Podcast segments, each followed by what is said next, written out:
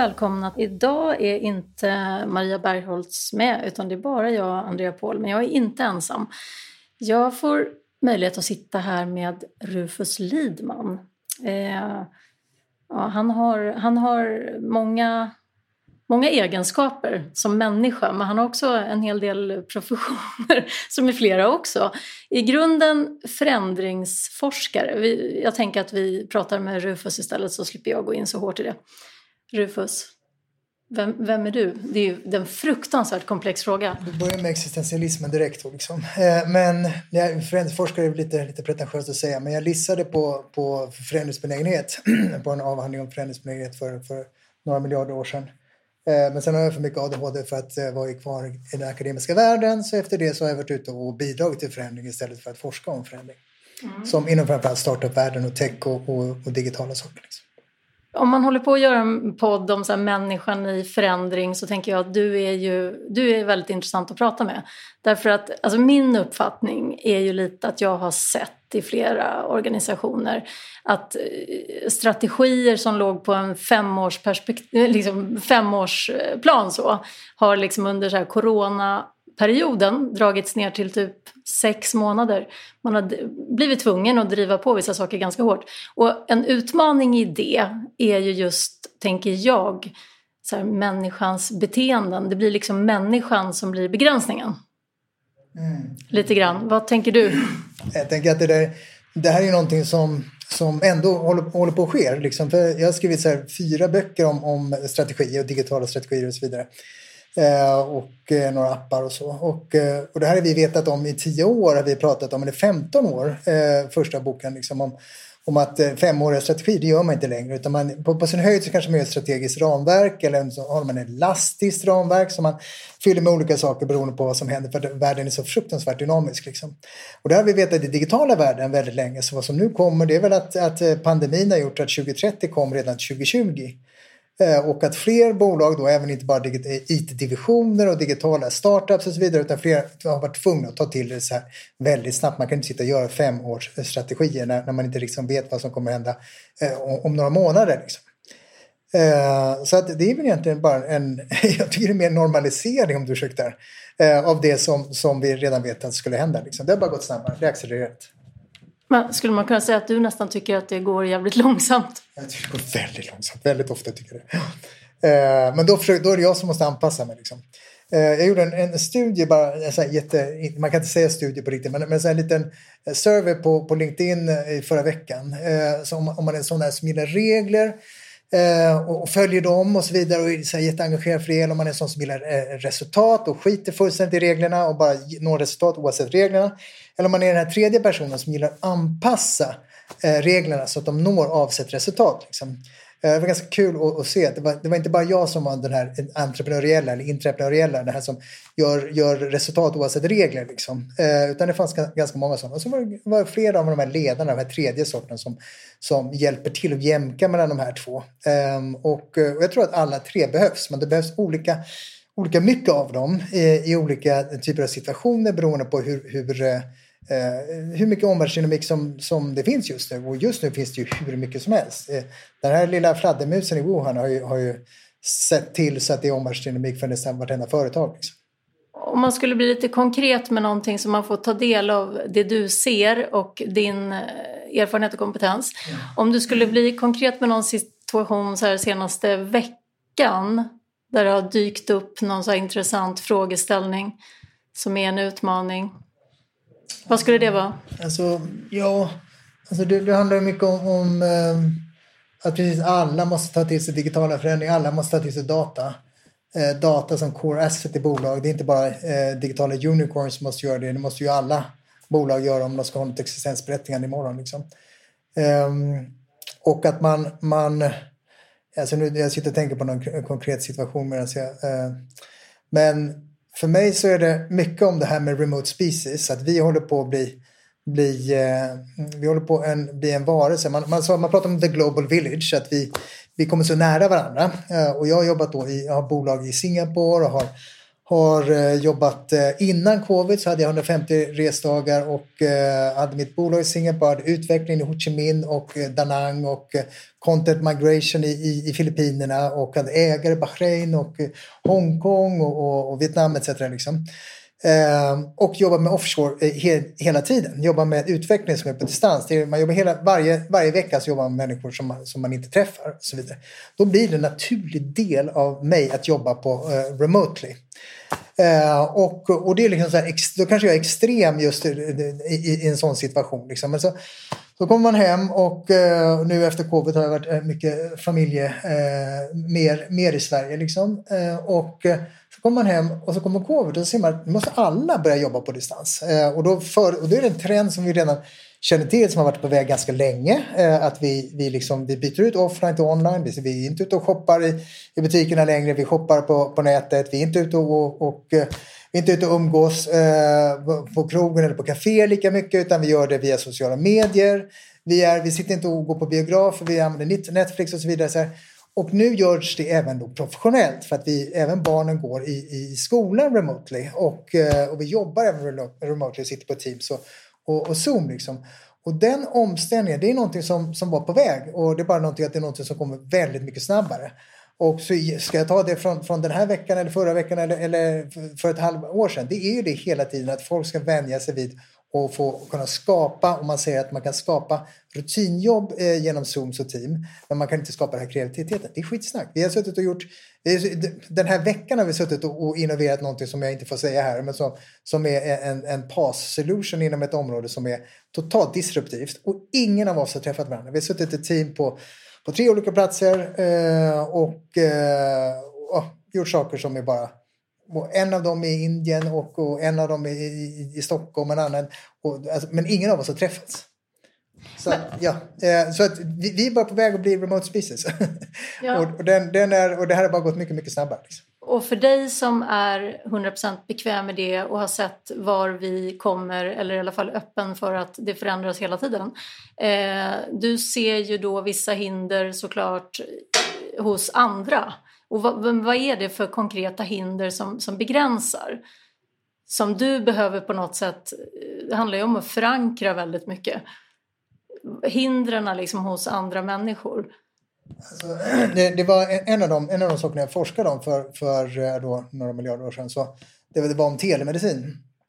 Det var det som kallas för e-hälsa idag. Och, och det var hur man bedriver eh, alltså hälsa på distans. Och det här var då jättelänge sedan. Då satt man och gjorde med joysticks, gjorde kirurgingrepp i jugoslaviska kriget liksom och, så här, och, och hade i Sverige när det var timezone här i Sverige gjorde man dagtid och nattetid från, från USA. Men då var det så här, då, då satt man på modem, alltså någon sekunds eftersläppning. Idag är det bara helt magiskt liksom. Eh, men då, då, då, då forskar man så här, hur, vad tappar man i det här att vi inte träffas, att man gör det här på distans? Liksom? Och en av dem var, eh, en av de mest intressanta, det var telepsykiatriska studier i, i, från Bodö. Liksom, där man kom fram till att, att det funkade alltså bättre med telepsykiatri på avstånd, mer effektivt, evidensbaserad forskning som var skitspännande. Eh, som funkade bättre på avstånd än att träffa människor eh, hands-on och, och, och, ha den här handpåläggningen som man gärna vill ha. Liksom. Eh, inte alltid. Eh, och då börjar man forska, så vad är de oberoende variablerna? De modererande variablerna till varför det funkar så mycket bättre ibland och varför inte. En av dem var att man hade träffats innan. Så det här att man känner varandra först och sen ersätter det med någonting digitalt och remote, det är liksom en, en, en framgångsfaktor. Liksom. Så det svåra är att göra det här om man inte har lärt känna varandra. Försäljning är svårare, man, när man handskakar, gör avtal och vidare, så vidare. Alla de sakerna, det är sånt som är begränsande. Om man inte har träffats åtminstone någon gång. Liksom. Den andra, det, är bara en parentes, men den andra modererande var barn. Det funkade bättre för barn därför att de, de slapp ha den här läskiga eh, psykologen framför sig, den stora farbrorn eller, eller tanten liksom. Och så kunde, det var det bara en liten tv-ruta. Det funkade skitbra. Liksom. Där är jag faktiskt villig att hålla med. För att jag brukar alltid säga det, jag som jobbar också med diagnostisering och så, att eh, jag tycker att det är rätt viktigt att ses första tillfällena. Och det är för att en del faller bort. Alltså det är väldigt lätt att missa saker. Eh, men då pratar jag just hälsa slash ohälsa. Mm. Eh, men sen funkar det ju om man väl har etablerat relation. Men, men jag tänker också på det här med att, att eh, i en snabb förändringstakt så tänker jag att ofta människan själv är ju ett hinder för att det krävs olika för att man ska bli trygg med förändring. Alltså, man kan ju se att man måste men någonstans så går det inte ändå lika fort som man skulle önska. Ehm, den typen av frågeställningar borde ju du få till dig eftersom du är expert. Ja. Alltså hela tiden. Och det, det var det jag eh, menar lite, men det är de som gillar regler är ett tråkigt ord, men de som gillar regler, gillar ordning, gillar att följa rutiner och gillar trygghet, alltså om man är en trygghetsnarkoman, inget snällt ord, men, men, men när, man, när man gillar det, det ordningsamma, liksom. om man är en sån typ av person, det finns, man kan vara en kameleont som, som är, har många strängar på sin lyra, liksom. man kan eh, gilla förändring ibland och så vidare, men de som har en, mer åt det hållet, liksom, de har ju sitt värde och om de inte, eh, om de, det kommer in en disruption som nu när de flesta är drabbade av det liksom. Eh, istället för att eh, vissa gör det proaktivt, eh, alltså om man är ute och gör en unicorn då är man proaktivt eh, disruptiv men andra blir drabbade av en disruption och måste gå in och, och själv eh, liksom försöka lead eller follow liksom. Eh, och då är det vissa person, personligheter som kanske inte passar jättebra med det. Men då måste man ju bara embrace att den personen, efter man har genomfört förändringen, eh, när de här reglerna har blivit förändrade av den här intraprenören eller entreprenören, då är det den personen som kommer vara bäst, duktigast, absolut duktigast på att genomdriva det sen. Liksom. Eh, så det finns ju olika roller för, för olika situationer. Och det, Eh, det, kanske kan vara obekvämt. Det kan vara obekvämt för intraprenören entreprenören att bara följa för reglerna sen. Vad ska han eller hon göra? Det kommer vara jätteobekvämt för det att vara något inre som är, är jobbigt för den personen. Vi gör ju bara samma sak hela tiden, det går för långsamt och så vidare. Liksom. På samma sätt är det för den andra eh, att, att uh, nu kommer en förändring fast jag, jag som ju hade det så bra accelererar med mina kunskaper. Helt plötsligt så blir den, blir den kunskapen obsolet. Liksom. Så att, det är, det är hela tiden, man måste bara embrace och inte förstå att det inte är mindre värdefullt. Det är bara just en, inte en matchning till just den här situationen som befinner oss i bra. Mitt värde kommer att vara sen vid ett annat tillfälle, i en annan kontext. Eller någonting sånt.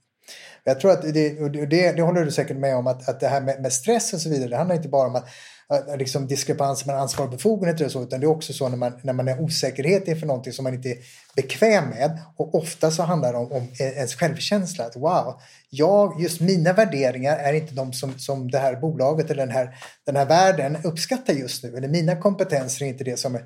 Men jo, det, det är det visst det, men det är bara en annan kontext. Det kanske är dålig matchning mot just det här, precis den här dagen eller just det här tillfället. Men det finns en annan matchning där, där du kommer vara absolut viktigast. Liksom. Ja, men det där tycker jag är bra formulerat. För jag tycker ofta att jag hamnar i, i de där dialogerna där det handlar om att kunna liksom översätta mer det man har gjort till någonting som också behövs idag. Mm. Istället för att skrämmas. Alltså just så här, rädsla är ju något som hämmar extremt mycket och står i vägen för rätt mycket möjligheter och utveckling och sådär. Så, så mycket handlar ju om liksom just att eh, hantera rädsla och bryta ner det till vad det egentligen handlar om. Liksom.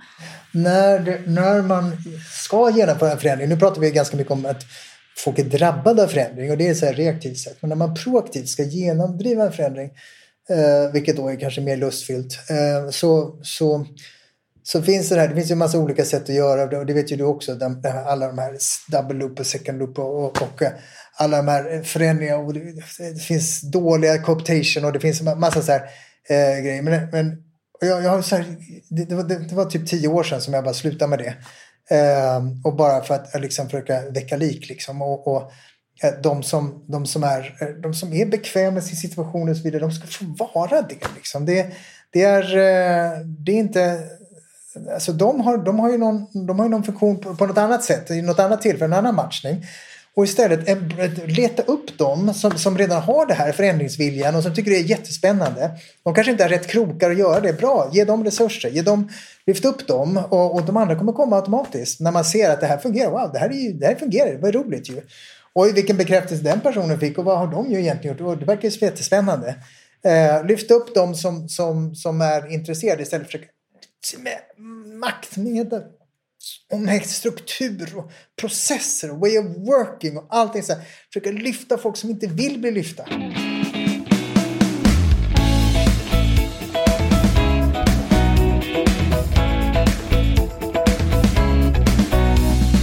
Men alltså det där tycker jag är jättebra ord. Jag måste verkligen säga det därför att jag jobbar mycket just med det här acceptans och lite tillräcklighet mm. till människor idag. Mm. Alltså tillit till processen. Mm. Ja, men så här, och det är ju det du bekräftar. Mm. Eh, för att någonstans så ökad otillräcklighet och att man typ gör fel, det bidrar inte till större förändringsbenägenhet. Tänker jag. Utan snarare så här, vi litar till processen och nu kör vi på och vi tar ett steg i taget och bara vi tar de där stegen så blir det bra. Liksom. Det behöver inte vara alla. Det är konsensuslandet Sverige. Det, det behöver inte vara alla. Måste, vi måste prata igenom på alla möten. Det är ju den svenska metoden. Och den tar ju väldigt lång tid. Och den är inte den metoden man använder unicorns och digitala startups. Liksom. Där är det tvärtom. Där låter man några köra igång och sen så, och så väntar man till så kommer de andra komma efter. När man ser hur, hur häftigt det räcker med att någon gör det. Vi, vi är flockdjur. Låt, låt eh, embracea några, några stycken och ge dem de resurser som krävs. Ge dem den bekräftelse som finns. Och bara, så har jag jobbat när, när jag jobbat med, eh, med strategikonsulting. Jag har jobbat med över hundra bolag eh, i fyra kontinenter. Så, så allting från, från Samsung till Ikea till, till Mercedes och över, överallt. Liksom. Då, jag har inte varit inne och liksom försökt och, och någon evangelist för nu ska vi genomföra de digitala häftiga grejerna med, med och försöka väcka alla och ha coachingmöten med precis alla. Utan nej, jag har letat, jag har gjort en så här varit jättetråkigt verkligen letat efter de här terrierna alltså, som redan har lusten men kanske inte kompetensen och krokarna och liksom resurserna. Letat upp dem och sen så använt dem som någon sorts trampolin till att få igång saker, göra en första katalysera en process liksom och, och med MVP och så vidare. Så, och sen kommer alltid de andra efter.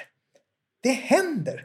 Uh, så att, och det är för att vi, och det är ingenting som är någon så här, deterministisk, eller liksom, det är ingen så strategi som gör att det blir så, utan det är för vi är människor, vi är flockdjur och det är jävligt kul att se när någonting fungerar och att det är någon som har framgång. Liksom. Alla kommer efter, så ser man eh, alltså de här, någon, någon 55-årig dam som aldrig, aldrig ens tänkt tanken, var jättetvär från början. Hade jag börjat bearbeta henne hade hon bara blivit ännu mer resistent. Liksom.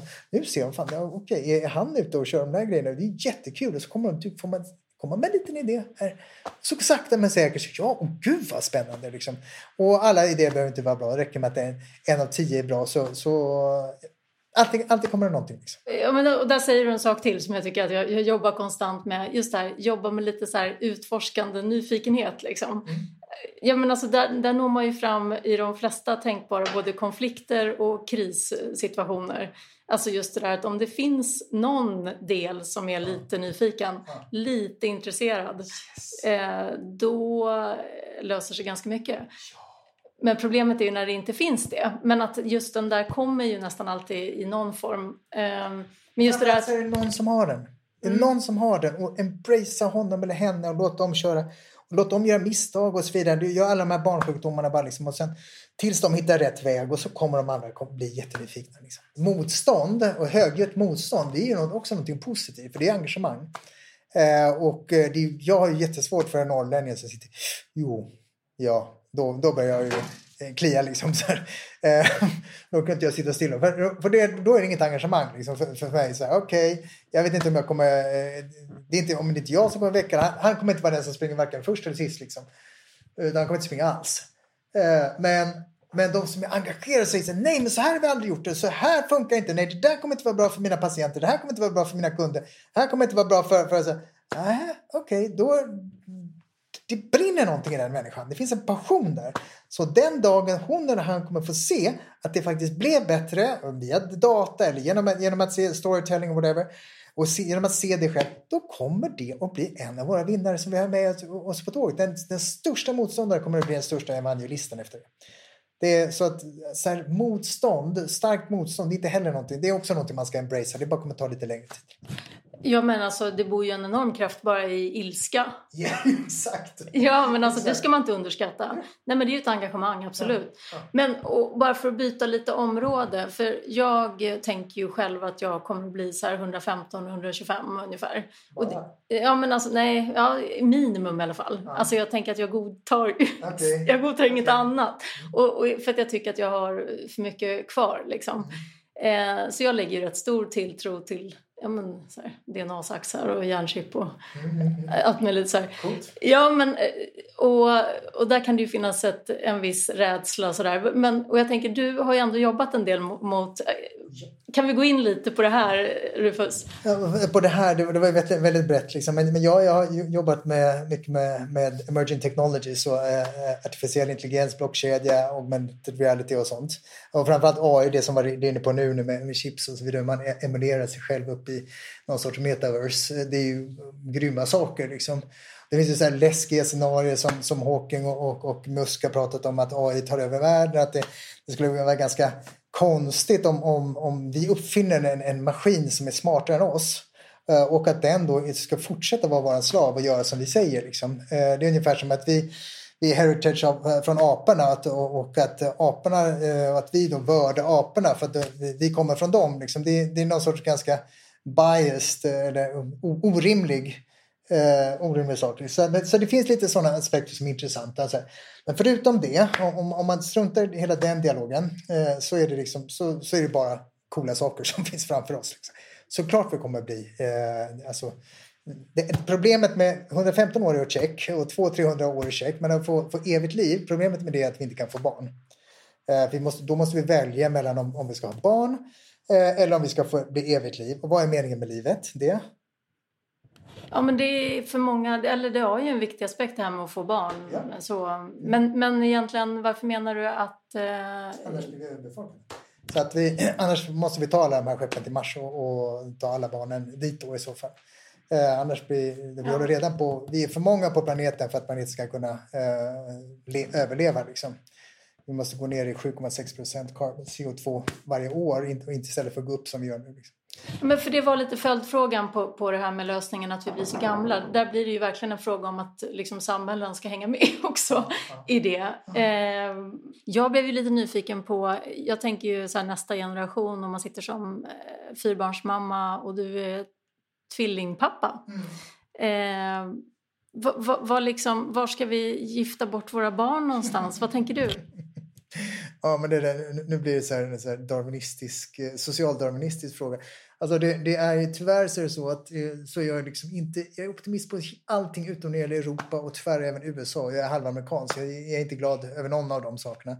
Men det är inget skitsnack om att Asien bara håller totalt på att ta över världen. Och, eh, Eh, har man varit där, jag var, jag var där och jobbade på, i Singapore för 8-9 år sedan för Samsung och vi skulle, vi skulle lyfta ut digitala strategier i 64 länder, Jag började där. Och då, då hade jag, då hade jag mitt, mitt kontor på Fifth Avenue, jag hade skrivit böcker och de, de så här, fick jättestor respekt när jag kom dit och, och wow, och, och, och jag, jag, jag drog igång massa saker. Liksom.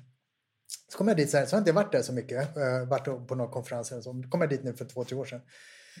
och sen bara, uh, så kom jag dit och så frågade de, var, var kommer du ifrån? Jag kommer från Sverige. Eh, Jaha, tittar på mig lite så. Som, som, vem är du liksom? Eh, ja, men jag har också gjort Uh, skrivit lite böcker. Jaha, okej, okay, böcker. Okej, okay, jag har gjort världens största app inom digital strategi, försöker jag med. Uh, 200 000 nedladdningar. Okej, okay, 200 000. Uh, så att det är ett totalt annorlunda perspektiv. Och sen så, alltså de, på de åren, bara de åren så har den här stoltheten växt hos asiaterna. Något fruktansvärt fruktansvärt. Så här, förr tänkte vi, tänkte det där klassiska, vi, vi tänkte Europa och USA och så producerade de i Kina och i, i Sydostasien. Liksom, så här. Nu är det bara bye bye, den, den, den är så borta. Liksom. De som fortfarande lever i de fantasierna, och det är ganska många, att det är på det sättet, de kan bara glömma det. Liksom. Där tänker man och där ligger de före oss. Liksom. Jag, jag, sitter här och pratar om blockkedjor, eller artificiell intelligens, jag sitter, jag sitter i Genève och berättar för Europa, några av världens största banker, jag måste förklara vad DLT är, några super, super simpla saker. Eh, kom, kom in, in en blockkedja. Eh, och, och sen så kommer Kommer jag till, till eh, Hongkong eller kommer jag till Singapore eller, eller Manila, då liksom bombarderar de med frågor. Jag måste stå på tå och liksom så bara kämpa för att liksom inte göra bort mig. Liksom. Och det är självklart mycket roligare för det är då man växer. Eh, om man inte är ett stor fisk i lite stim. Liksom. Men, men det betyder, och det är då, det är då, de också, det är då, då man når fram. Därför att det, de förstår, för att man ska kunna vilja köpa någonting, då måste man ju förstå vad det är. Och det gör de eh, där. Så där, där, jag, jag trivs som fisken i vattnet. Men jag också får en fruktansvärd respekt att wow vad vi ligger efter. Shit, vi sitter och kämpar för sex, sex timmars, eh, 30 timmars vecka medan de jobbar stenhårt och de jobbar med rätt saker och de är intelligenta som, som bara dammar om det. Liksom. De har allting eh, för sig för att bara totalt regera. Förutom att de har 60 procent av, av, av, både, både arbetskraft och, och, eh, och snart ekonomi också. Liksom. Så att yes. Eh, så, så förlåt, frågan. Det var, vad ska man göra? Ja, man ska gifta bort de asiatiska och asiaten. Det, det, var, det var väl liksom så här, en ganska bisarr eh, slutledning av det. Men man måste ha något fotfäste där. Om att eh, man får skicka sina barn där på, på något utbytesår åtminstone. Liksom, så att man, man förstår att det, vi kan inte sitta här och bara eh, vara glada över hur vi har haft det tidigare. Liksom. Nej precis och självklart var det ett skämt med att vi ska gifta bort våra barn. Det var ju bara att vi sitter och skämtade om det. Men, men eh, någonting annat också som jag funderar på som är lite mer personligt kring dig då. Alltså du och jag råkar ju känna varandra lite grann i alla fall. Och eh, jag vet så pass mycket att vi har vissa likheter i att det finns ju få möjligheter eller liksom ganska mycket möjligheter upp i huvudet liksom, och, och ganska få begränsningar. Sådär. Eh, både entreprenörer och intraprenörer. Eh, vad, vad, skulle du säga är eh, liksom någonting som du får kämpa med själv? Oh, jättemycket. Du kommer ju känna igen allting såklart, men det, det tålamodet är ju självklart.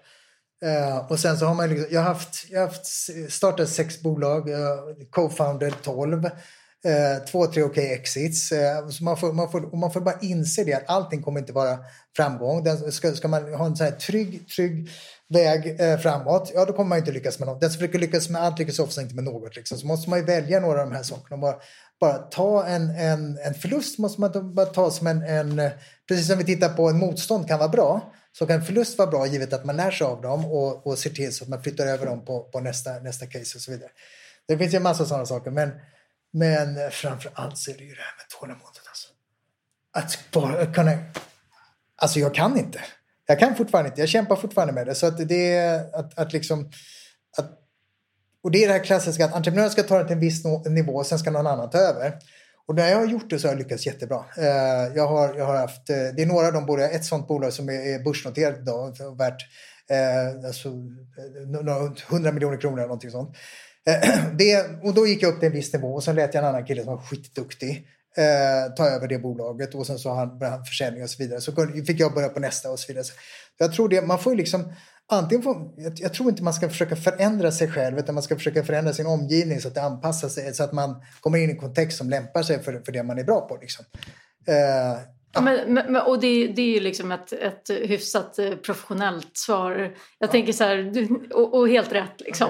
Absolut. Men, men, jag tänker lite så här mer så här eh, konsekvenserna av för tålamod. Det tycker jag ofta kan läggas fram som ett ganska så här positiv egenskap i dagens samhälle. Ja. Och att det, men det har ju ofta en så här en konsekvens, ett lidande, ett problem mm. någonstans i bakgrunden. Vad skulle du säga är en utmaning för dig då med tålamodet?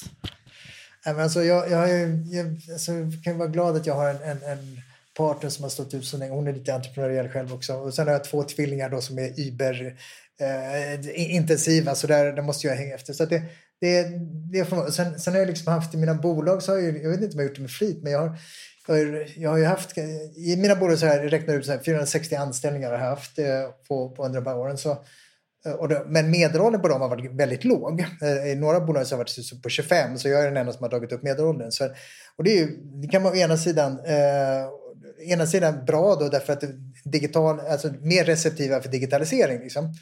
Eh, men å andra sidan så är de också eh, snabbare och rappare och så vidare. Och de kanske har stått ut med mig eller, eller, eller vice versa. Liksom.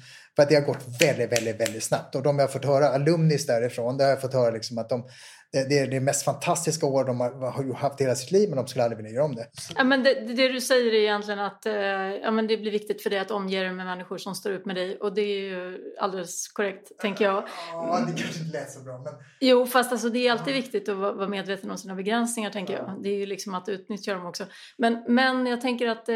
Den praktiska saken måste jag säga, det är, och den vet jag att du också har, det är det att jag jag tränar ju eh, kampsportare och förut var jag dansare så, som du. Och, och, liksom, och, eh, och, och, och, och, kampsport är grymt bra. Liksom. Det här, jag har aldrig, med, jag mediterar, så här, quick, quick, jag kan bara göra snabbt med... 90 sekunder.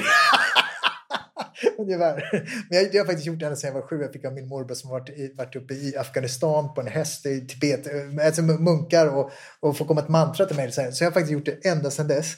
Eh, och, och, eh, så, men, men jag kan inte göra så här. Jag försökte, min mamma försökte skicka, skicka mig på yoga när jag var liten, när jag var hyper.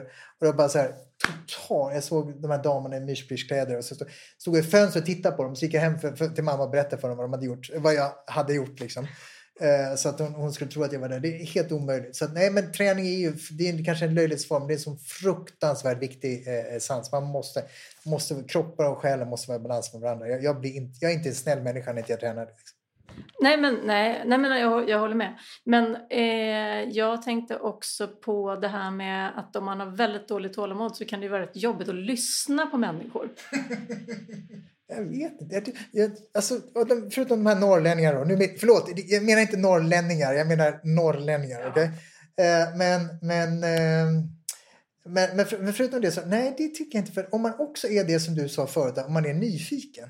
Och jag är fruktansvärt nyfiken.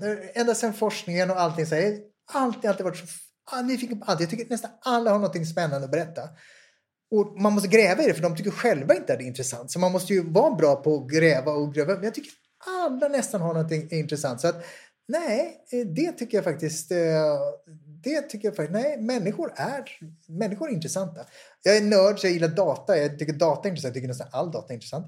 Eh, men också, det är så här, inte korrekta svaret, men, men människor är nästan lika intressant som data. Det, det skulle vara. Nu, nu ler jag, kan, kan man visa det i en podd, liksom, att jag inte menar allvar? Nej. Uh, ja, men det, det är uppfattat, det räcker med att du säger ja. det. Men det, det sista bara som jag funderar lite på i när det går väldigt snabbt ja. med just digitalisering och så här, ja. då tänker jag på just det här informationssäkerhet och sådär. Mm. Alltså att den inte riktigt hänger med. Mm.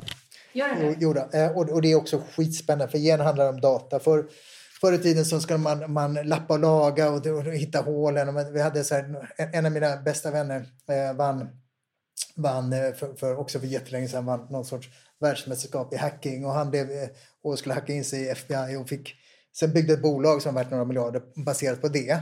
Och det var så man gjorde förr i tiden. Idag så man, gör man det på data och man tittar på behavior analytics så att man predicerar med hjälp av data predicerar man vad som, kommer, vad som kommer hända långt innan det händer och kommer, kan täppa igen det mer proaktivt än reaktivt, vilket är fantastiskt. Så att där använder man data som, som en, en, en, liksom en, en säkerhetsbälte i förskott eh, innan olyckan händer.